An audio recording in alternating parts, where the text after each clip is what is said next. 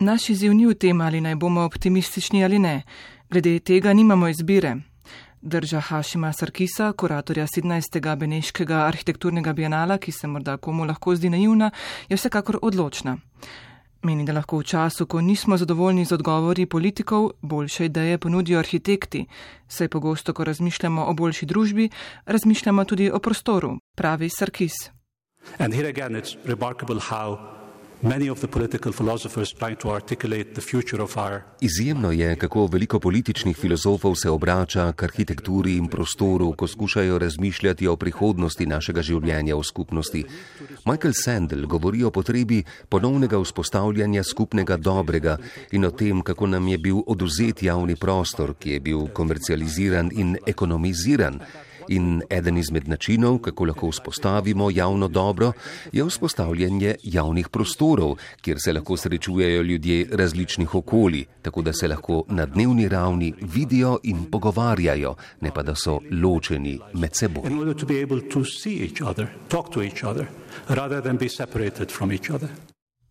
V spredju njegove vizije Bienala je torej predvsem optimizem. Optimizem, da lahko s predlogi in tudi utopičnimi vizijami arhitektov družbo spremenimo na bolje. A ne le prek arhitekture v našem bodočem skupnem življenju, Sarkisova razstava, torej kurirani del Bienala, razmišlja izrazito odprto prek petih poglavij. Prvo je posvečeno novemu pojmovanju človeškega telesa in življenja z drugimi bitji, drugo tematizira nova gospodinstva, tretje skupnosti, četrto meje in migracije, peto pa prihodnost planeta. Vsaka generacija si vprašanje, kako bomo živeli skupaj, zastavlja na svoj način in nam tako tudi odgovarja. Drugače kot v preteklih ideološko zaznamovanih generacijah se danes zdi konsens ta, da odgovor ne more priti iz zgolj enega samega vira. Pluralnost virov in raznolikost odgovorov bo le obogatila naše skupno življenje, razmišlja Sarkis v katalogu. Takšni poziciji seveda težko ugovarjamo, a vendar dodajmo, da tudi iskanje odgovorov v množstvu disciplin in virov brško ne ni neideološko. Odprtost Sarkisovega pristopa ima tudi praktično posledico.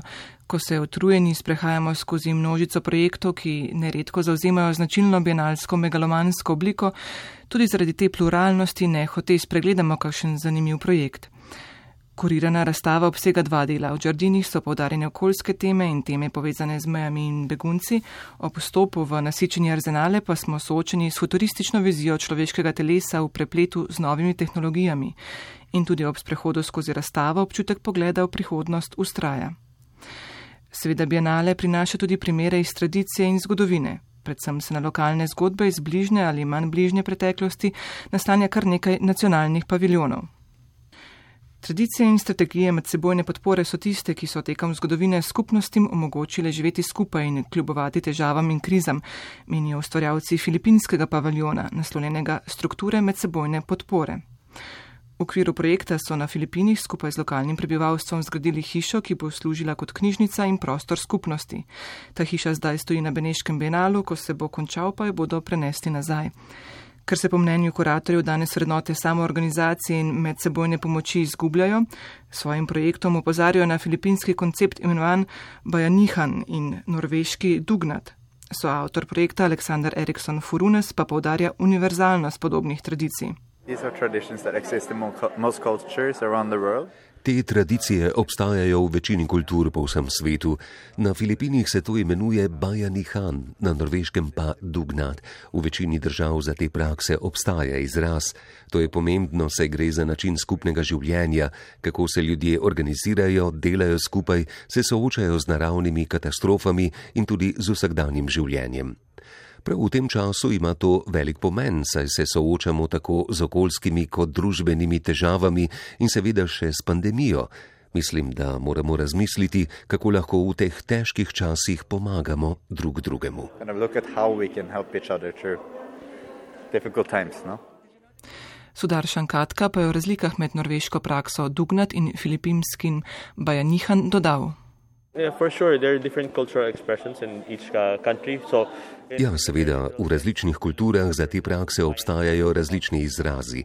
Izraz Bajanihan na Filipinih naprimer pomeni selitev hiše iz ene kmetije na drugo. Na norveškem pa se izraz dugna tradicionalno povezuje s pleskanjem hiše ali menjavo strehe. V številnih kulturah se te prakse povezujejo s kmetovanjem ali hrano, kot je recimo delanje kimčija. Vse te prakse pa imajo podobne principe in ti principi povezujejo kulture onkraj meja. Vendar pa tudi pozitivne vrednote lahko izkoristi politika. Uh,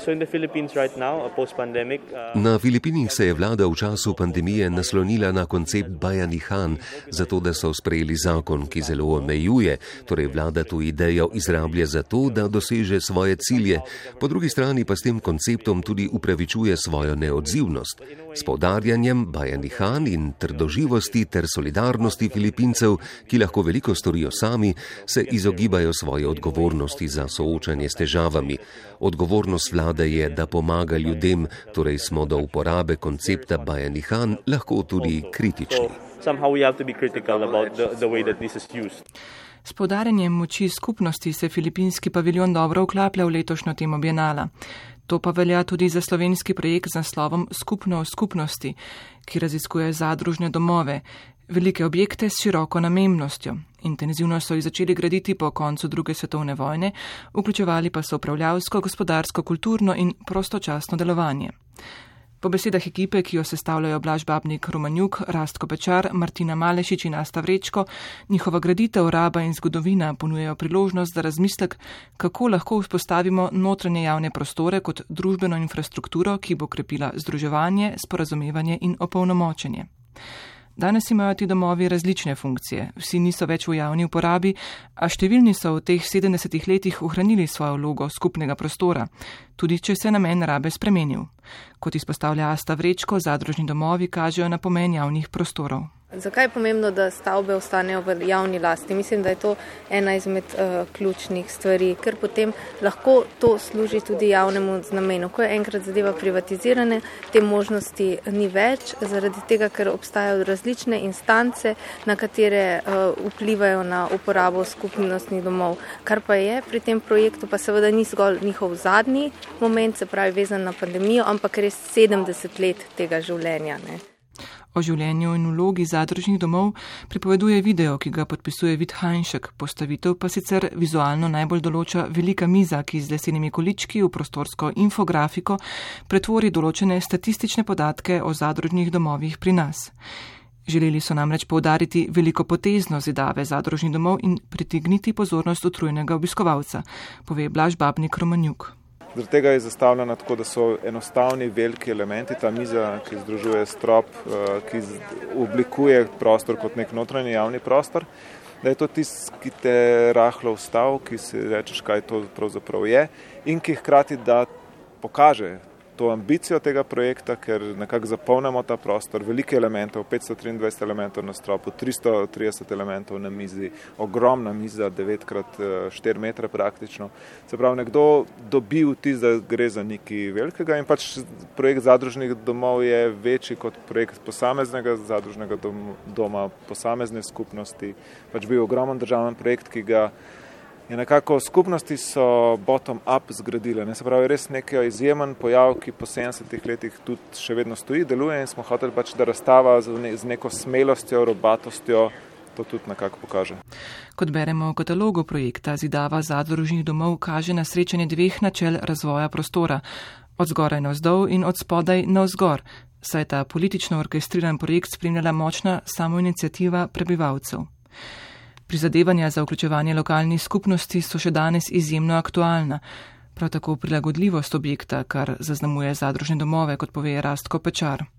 Ja, gre za neko arhitekturno tipologijo, ki je ja javna, sicer ima predpisane neke v začetku neke ekonomske, kulturne, administrativne funkcije, ampak hkrati mogoče prav zaradi te dvorane večnamenske dopušča Eh, veliko prilagodljivost, ki je in danes, eh, in tudi za prihodnost zelo pomembna, da se ta lokalna okolja lahko uh, zanašajo na te stavbe, da jih pač še naprej lahko servirajo. Prilagodljivost zadružnih domov pa je prišla do izraza tudi v kontekstu pandemije, doda Martina Malešič. Eden od ciljev projekta je bil tudi ta, da govorimo o vzdržljivosti in prilagodljivosti arhitekture, ne, ki je pripomogla k temu, da so te domovi v uporabi zadnjih 70 let. In tudi to je nekako prišlo do izraza prav zdaj, tudi med pandemijo, um, kjer so v bistvu niso popolnoma izpraznili te prostore, ampak so dobili neko novo funkcijo. Um, zelo velikrat so recimo seje krajevnih skupnosti, vaških skupnosti, niso več potekala v sobah za seje, ampak v teh velikih dvoranah. To so postale tudi lokacije za testiranja, za cepljanja. Da, in tudi zelo velikrat smo videli že v prejšnjih letih, da so zadržni domovi prevzeli na tako pomembno lokacijo za kakršnokoli delovanje civilne inicijative. Bodi si so bili, je bilo to zbiranje recimo hrane ali pa oblačil za begunce ali pa za pomoč um, prizadetim v naravnim katastrofam. Tudi komisar projekta Mateo Ščelik, nekdani direktor Muzeja za arhitekturo in oblikovanje, meni, da se iz teme zadružnih domov danes lahko veliko naučimo. Dansko cel svet pa družba stoji pred novimi izzivi, kako se transformirati, da bomo živeli bolj zeleno, da bomo rešili svet, da se bomo ukvarjali s podnebjem. Vidim zadružne domove kot en potencial, kot prostore, ki spet lahko pripomorejo k eni kulturni transformaciji družbe.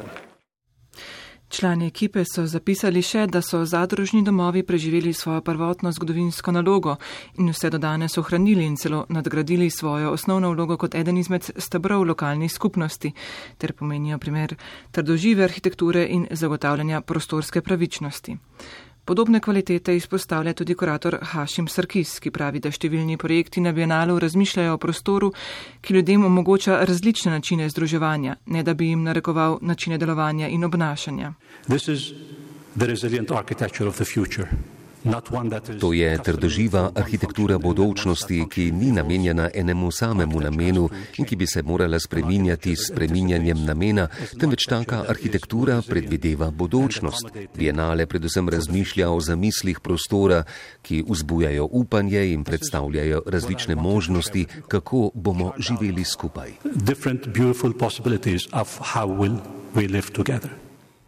Kako si ljudje oziroma različne skupnosti prilagajajo arhitekturo, pa je vprašanje v spredju francoskega paviljona. Ta na podlagi petih primerov dokumentira, kako si svoje vsakdanje okolje z delom spreminjajo skupnosti na različnih celinah - Evropi, Aziji, Ameriki in Afriki. Kurator Kristof Huten meni, da so ljudje najpomembnejši vir sprememb življenjskega okolja in da so prav skupnosti tiste, ki s pristopom od spodaj na vzgor ustvarjajo nove prostorske pogodbe, o katerih kot spodbudi za nove družbene pogodbe razmišlja tudi Sarkis. Kaj torej pove pogled na različne skupnosti? V arhitekturi, posebej pri gradni stanovanj oziroma prebivališč, so stvari, ki so univerzalne. Stanovati je dejanje, ki izhaja iz naravne pravice, vendar so načini, kako stanujemo in živimo, različni, odvisni so od kulture in klime. V različnih primerjih, ki smo jih raziskovali, smo to seveda opazili, razlike pa govorijo o stanju stvari v svetu. Pokaže se tudi, kako se lahko arhitektura približa prebivalcem, da je bolj učinkovita in ustreznejša. Kot vemo, je pandemija še izpostavila nekatera ključna vprašanja arhitekture. Mislim, da smo vsi preživeli zelo težko leto, pogosto smo bili izolirani. Izkušnja, ki smo jo doživeli, nas napeljuje na to, da je treba znova premisliti o arhitekturi, da je nujno, da postane bolj odprta in performativna, z namero, da bi ljudje živeli bolje, bolj udobno, da bi imeli več prostora in da bi v polni meri povezali uporabnost, življenjske potrebe ter arhitekturo. Vprašanje pandemije je seveda zaznamovalo celoten bienale in nenehno odzvanjalo tudi iz novinarskih vprašanj. Skoraj preroško se nam zdi kuratorjevo vprašanje, kako bomo živeli skupaj, ki ga je kot temo zastavil še pred pandemijo. V njeni luči pa to vprašanje dobiva nove razsežnosti in še globi pomen, saj so se v tem dobrem letu stopnjevale in razgalile številne obstoječe nepravilnosti in zaustrila razmerja moči. Sarkis meni, da so vzroki pandemije povezani z vprašanji, ki jih naslavlja tudi Bienale in na vprašanje o pandemiji odgovarja. Kako je pandemija spremenila arhitekturo in kako se bo ta odzvala? Na to vprašanje lahko gledamo iz perspektive držav, ki so se že premaknile dalje v novo normalnost. In veste kaj? Nova normalnost je videti podobno kot stara normalnost. Ko sem to vprašanje zastavil sodelujočim na Bienalu, so se ti strinjali, da se naše delo ne nanaša denimo na socialno distanciranje in podobne ukrepe, temveč na podtalne razloge za pandemijo. Na Bienalu vidimo razmislek in drugačen odnos do podnebnih sprememb in vprašanj trajnosti. Številni projekti neposredno nagovarjajo vprašanja družbene neenakosti. Pomembne teme so masovne migracije in globoka politična polarizacija, ki se je v zadnjih petih in desetih letih še stopnjevala, in potreba po vzpostavitvi povezujoče platforme. To so pravi vzroki pandemije, ki bo, upamo, minila. Ti vzroki pa ne bodo minili, če jih ne bomo naslavljali. To je bila pozicija sodelujočih in tudi jaz sem pri kuriranju razstave prevzel to držo. Gratefully, willfully adopted that position in curating this exhibition. Pandemija seveda odseva tudi na praktični ravni. Odprtja številnih paviljonov so bila zgolj spletna, nekateri so zaradi logističnih težav ostali zaprti, številni kuratorji se začetka bienala niso odeležili v živo. Na pandemijo se odziva tudi nekaj nacionalnih paviljonov. Nemci so denimo svoj projekt zasnovali s klicevanjem na virtualno izkušnjo, saj obisk paviljona ponudi zgolj QR kode, prek katerih si lahko gledamo na predstavitev vezane posnetke, kar v času vse splošne digitalne utrujenosti morda ni najbolj posrečena rešitev. Zelo zanimiv in prav selitvijo našega življenja na splet še bolj aktualen razmislek o materialnosti digitalnega oblaka ponuja irski paviljon, ki sta ga v pogovoru predstavila dva člana kuratorske ekipe.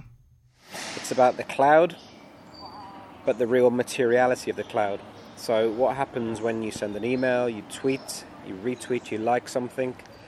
Projekt tematizira materialnost digitalnega oblaka. Ko beremo spletno pošto, tvitamo, retvitamo ali všečkamo kakšno vsebino, se nekje v svetu odvija določen proces. Za digitalnostjo obstaja obsežna mreža fizičnih procesov, stavb in kablov. Gre tudi za zelo irsko zgodbo. Prvi transatlantski kabel so leta 1858 namreč položili med Severno Ameriko in zelo podeželskim okoljem na otoku Valenša na jugozahodu Irske. Za izoliranje tega kabla so uporabili gumo, ki se prideluje iz drevesa, ki uspeva v Maleziji in ker so uporabili tako veliko gume, je to drevo skoraj izumrlo in je še danes med ogroženimi rastlinami. Ta okoljska katastrofa je stara zgodba, ki pa se nadaljuje, saj bodo po predvidevanjih do leta 2027 ti podatkovni centri na Irskem porabili tretjino vse elektrike na tem otoku. To je ogromno energije samo za te podatkovne centre. Digitalni oblak je torej materialen in porabi ogromne količine zemeljskih virov. All downloading from the cloud is an uploading of the Earth's resources, and that's what this project is about. Zakaj se tega problema premalo zavedamo? Yeah, the very nature of the technologies um, push the material processes into the background. Sama narava te tehnologije potiska materialni proces v ozadje. Ti podatkovni centri so namreč večinoma anonimna poslopja v industrijskih središčih ali podeželskih okoljih nekje na robovih mesta. So torej izven našega pogleda in tako izven naših misli. Del tega projekta je povezan tudi z vprašanjem, kako ljudje te podatkovne centre dojemamo. Če so vam znane podobe teh centrov, veste, da so ti prostori na fotografijah videti zelo tihi, visokotehnološki, nekako resni, ampak fotografije ne posredujejo zvoka in fizične izkušnje. Tipičen center 40 odstotkov vse energije porabi samo za hlajenje toplote, ki jo proizvajajo strežniki. Gre za bitko med vročino in hladom. Ob vstopu v prostore, kjer so strežniki, bo vaš prvi vtis glasen hrup hladilne tehnologije in računalnikov, pa tudi izjemna vročina in mraz. Nek podatkovni center v Belgiji deluje skoraj povsem brez hladilnih naprav in ti prostori se poleti tako segrejejo, da ljudje ne morejo delati v njih. Tako je torej videti materialnost digitalnega oblaka. Naše ustvarjanje vsebin izjemno ogreje prostore, podobni postanejo bojlerjem. V Dublinu se odvija zanimiv poizkus. Amazon uporablja odvečno toploto teh centrov tako, da z njo grejejo stanovanja, univerzitetne in bolnišnične prostore. Če gledate naprimer Netflix, to ustvari verižno reakcijo. Računalnik v Dublinu ustvari vročino, ta je zajeta in pretvorjena v vročo vodo, s katero ogrevajo bolniško posteljo. Digitalni podatki torej niso nesnovni, imajo velik materialen odtis.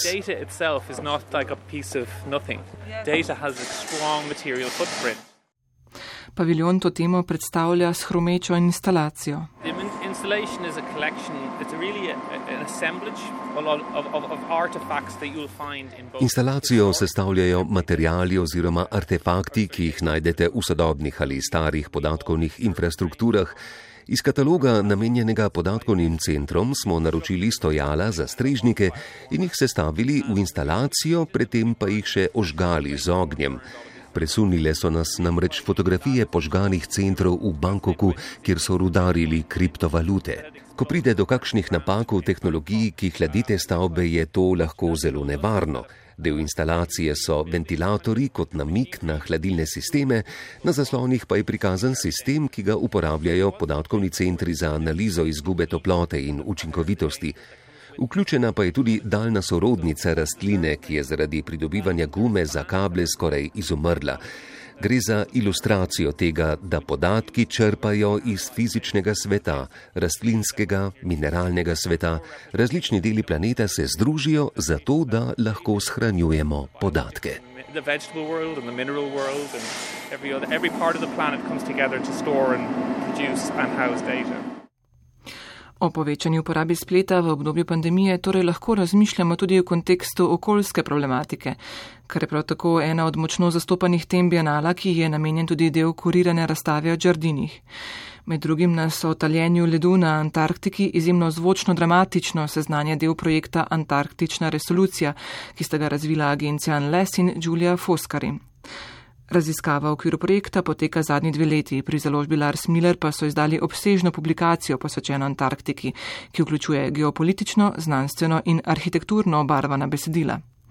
Poleg knjige na Bienalu razstavljajo še dva posebna kosa zaščitne obleke ter zvočno umetniško delo Arkangela Sasolina 250 krat na sekundo, ki ponazarja, kako pospešeno se danes na Antarktiki topi led, nam je povedala predstavnica agencije Unless. Raziskave so predstavljene v knjigi, ta posreduje znanje in torej učinkuje na vsebinski ravni.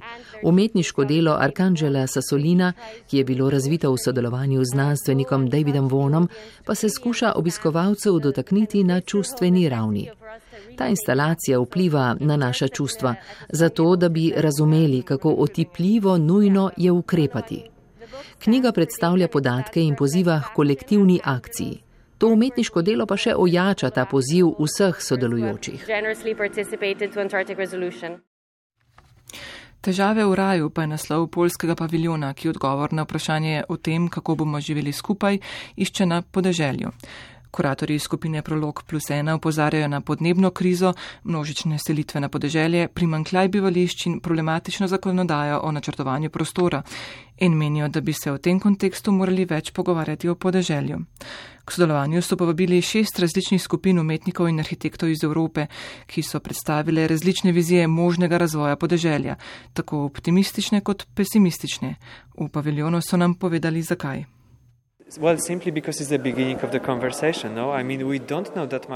No? Preprosto zato, ker je to začetek pogovora. O podeželju ne vemo veliko, o mestu se učimo od 15. stoletja, podeželje, ki je največje območje okoli mesta, pa je ostalo skoraj nekakšna imaginarna dežela. Če gledamo slikarska dela iz zgodovine umetnosti, gre recimo pri podeželju za krajine ali pa prizorišča bojišč, ampak 98 odstotkov zemlje je narava, le 2 odstotka zauzemajo mesta in urbana območja. V tem trenutku se torej zdi nujno razmisliti o načinih naseljevanja in produkcije, ki se raztezajo onkraj mesta. Kakšne pa so specifike polskega podeželja? Posebnost sodobnih podeželskih območij Polske je ta, da je tu še vedno ogromno odprtega prostora. Ta prostor ima veliko potencijala, ampak se sooča tudi z veliko težavami, ki spominjajo na nekdanjo socialistično državo in predvojne čase, ko so prevladovale drugačne tipologije hiš in drugačni načini življenja in dela. Trenutno se na teh območjih intenzivno gradi tovarne, ki spreminjajo naše dojemanje tega področja, hkrati pa se spreminja tudi lastniška struktura. Mislim, da bi vlada in urbanisti morali prevzeti večjo odgovornost. Posebnost polskega podeželja so torej predvsem vse te spremembe.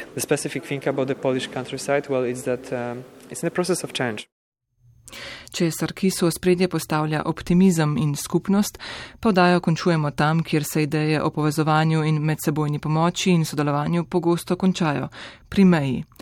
Najljubše igrišče 20. stoletja so bile globalizirane metropole, v 21. stoletju pa so poglavitni laboratoriji političnih, socialnih in ekonomskih fenomenov meje, menijo ustvarjalci švicarskega paviljona.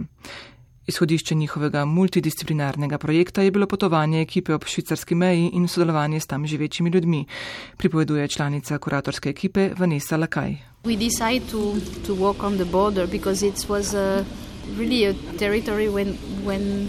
Odločili smo se, da gremo na mejo, ker smo bili prepričani, da lahko tam naletimo tako na družbene kot na politične teme, značilne za 21. stoletje.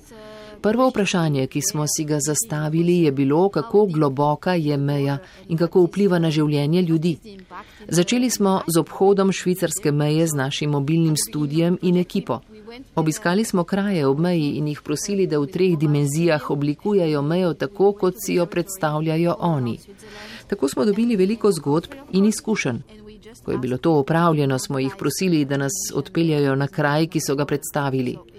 Zanimivo je bilo videti kraje ob meji z njihovimi očmi. V naši ekipi so sodelovali arhitekti, krajinski arhitekti, kipar in filmar. Tako smo potovali sedem mesecev, srečali smo 83 ljudi, ki so se popolnoma vključili v projekt in ostali z nami do konca. 83 people who were completely involved in the project, um, stay work, start work with us until the end. Poetična postavitev nas z razstavljenimi modeli, videom in zvokom nagovarja na izkustveni ravni. Realnejši pogled v zgodbe življenja ob meji pa razkrije spremna publikacija. Vključili so tudi pripovedi ljudi, ki v Švici čakajo na odobritev azila in zgovorno je bilo, da ti pravzaprav nimajo izkušenj s švicarsko mejo, saj se niti ne upajo iti blizu nje. Zato so opisali svoje izkušnje s katerokoli drugo mejo. Meja kot prepreko in prostor drugosti je v pogovoru izpostavil Munir Ajub. We have not one history, you, you have all the history here, but what it was absolutely important for this project. Tu ni le ena zgodovina, več jih je. Za nas je bilo pomembno, da pokažemo raznolikost in zapletenost meje. Prepričani smo, da meja ni dobra ali slaba stvar, ampak je odvisna od tega, kdo si. Če imaš dober potni list, ni meja zate nič posebnega. Če pa imaš napačnega, meja zate postane zid. Pojasniti moram, da s tem projektom nismo želeli intervenirati kot arhitekti, ki imajo o meji neko zamisel in bi jo spremenili. Naša odgovornost v tem primeru je bila samo pokazati kompleksnost tega teritorija in spodbujati ljudi, da bi se z njim ukvarjali. To je bila zamisel. Morda pa le lahko omenim en pomemben sklep. Poleg poetičnih zgodb imamo tu opraviti tudi z nasiljem. Za nas je pomembno, da je meja prostor, kjer je prisoten drugi, meja je prostor drugega. To je javni prostor, podoben ulici. Tam ne poznate vseh ljudi, ampak morate z njimi sobivati, če tudi vam niso všeč ali jih ne poznate. V tem smislu je meja ogromen javni prostor, s katerim se moramo ukvarjati, sicer lahko postane prostor nasilja in nacionalizmov we have absolutely to work on it because otherwise it becomes only a place of violence and identity and nationalism. Yeah. Ob koncu daje pa izpostavimo le še izvrstni čilenski paviljon, ki podobno kot švicarski v razstavni projekt pretvarja subjektivne izkušnje številnih sodelujočih. Izhodišče je naselbina Jose Maria Caro v Santiago, kjer je v poznih 50. in 60. letih prejšnjega stoletja vlada uveljavila stanovanski načrt, s katerim so želeli združiti prebivalce različnih slojev.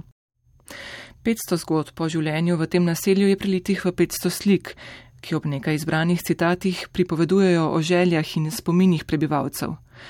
Kot so zapisali ustvarjalci paviljona, vprašanje, kako bomo živeli skupaj, implicira refleksijo, kako smo živeli kot skupnost ter različnih zgodovinskih in političnih obdobij območij, kjer živimo. Morda lahko torej oddajo likovni dnevi posvečeno 17. Beneškem arhitekturnem bienalu in vprašanju o tem, kako bomo živeli skupaj, sklenemo z mislijo, da se mora vprašanje boljše prihodnosti nasloniti tudi na nauke preteklosti ter široko paleto človeških izkušenj.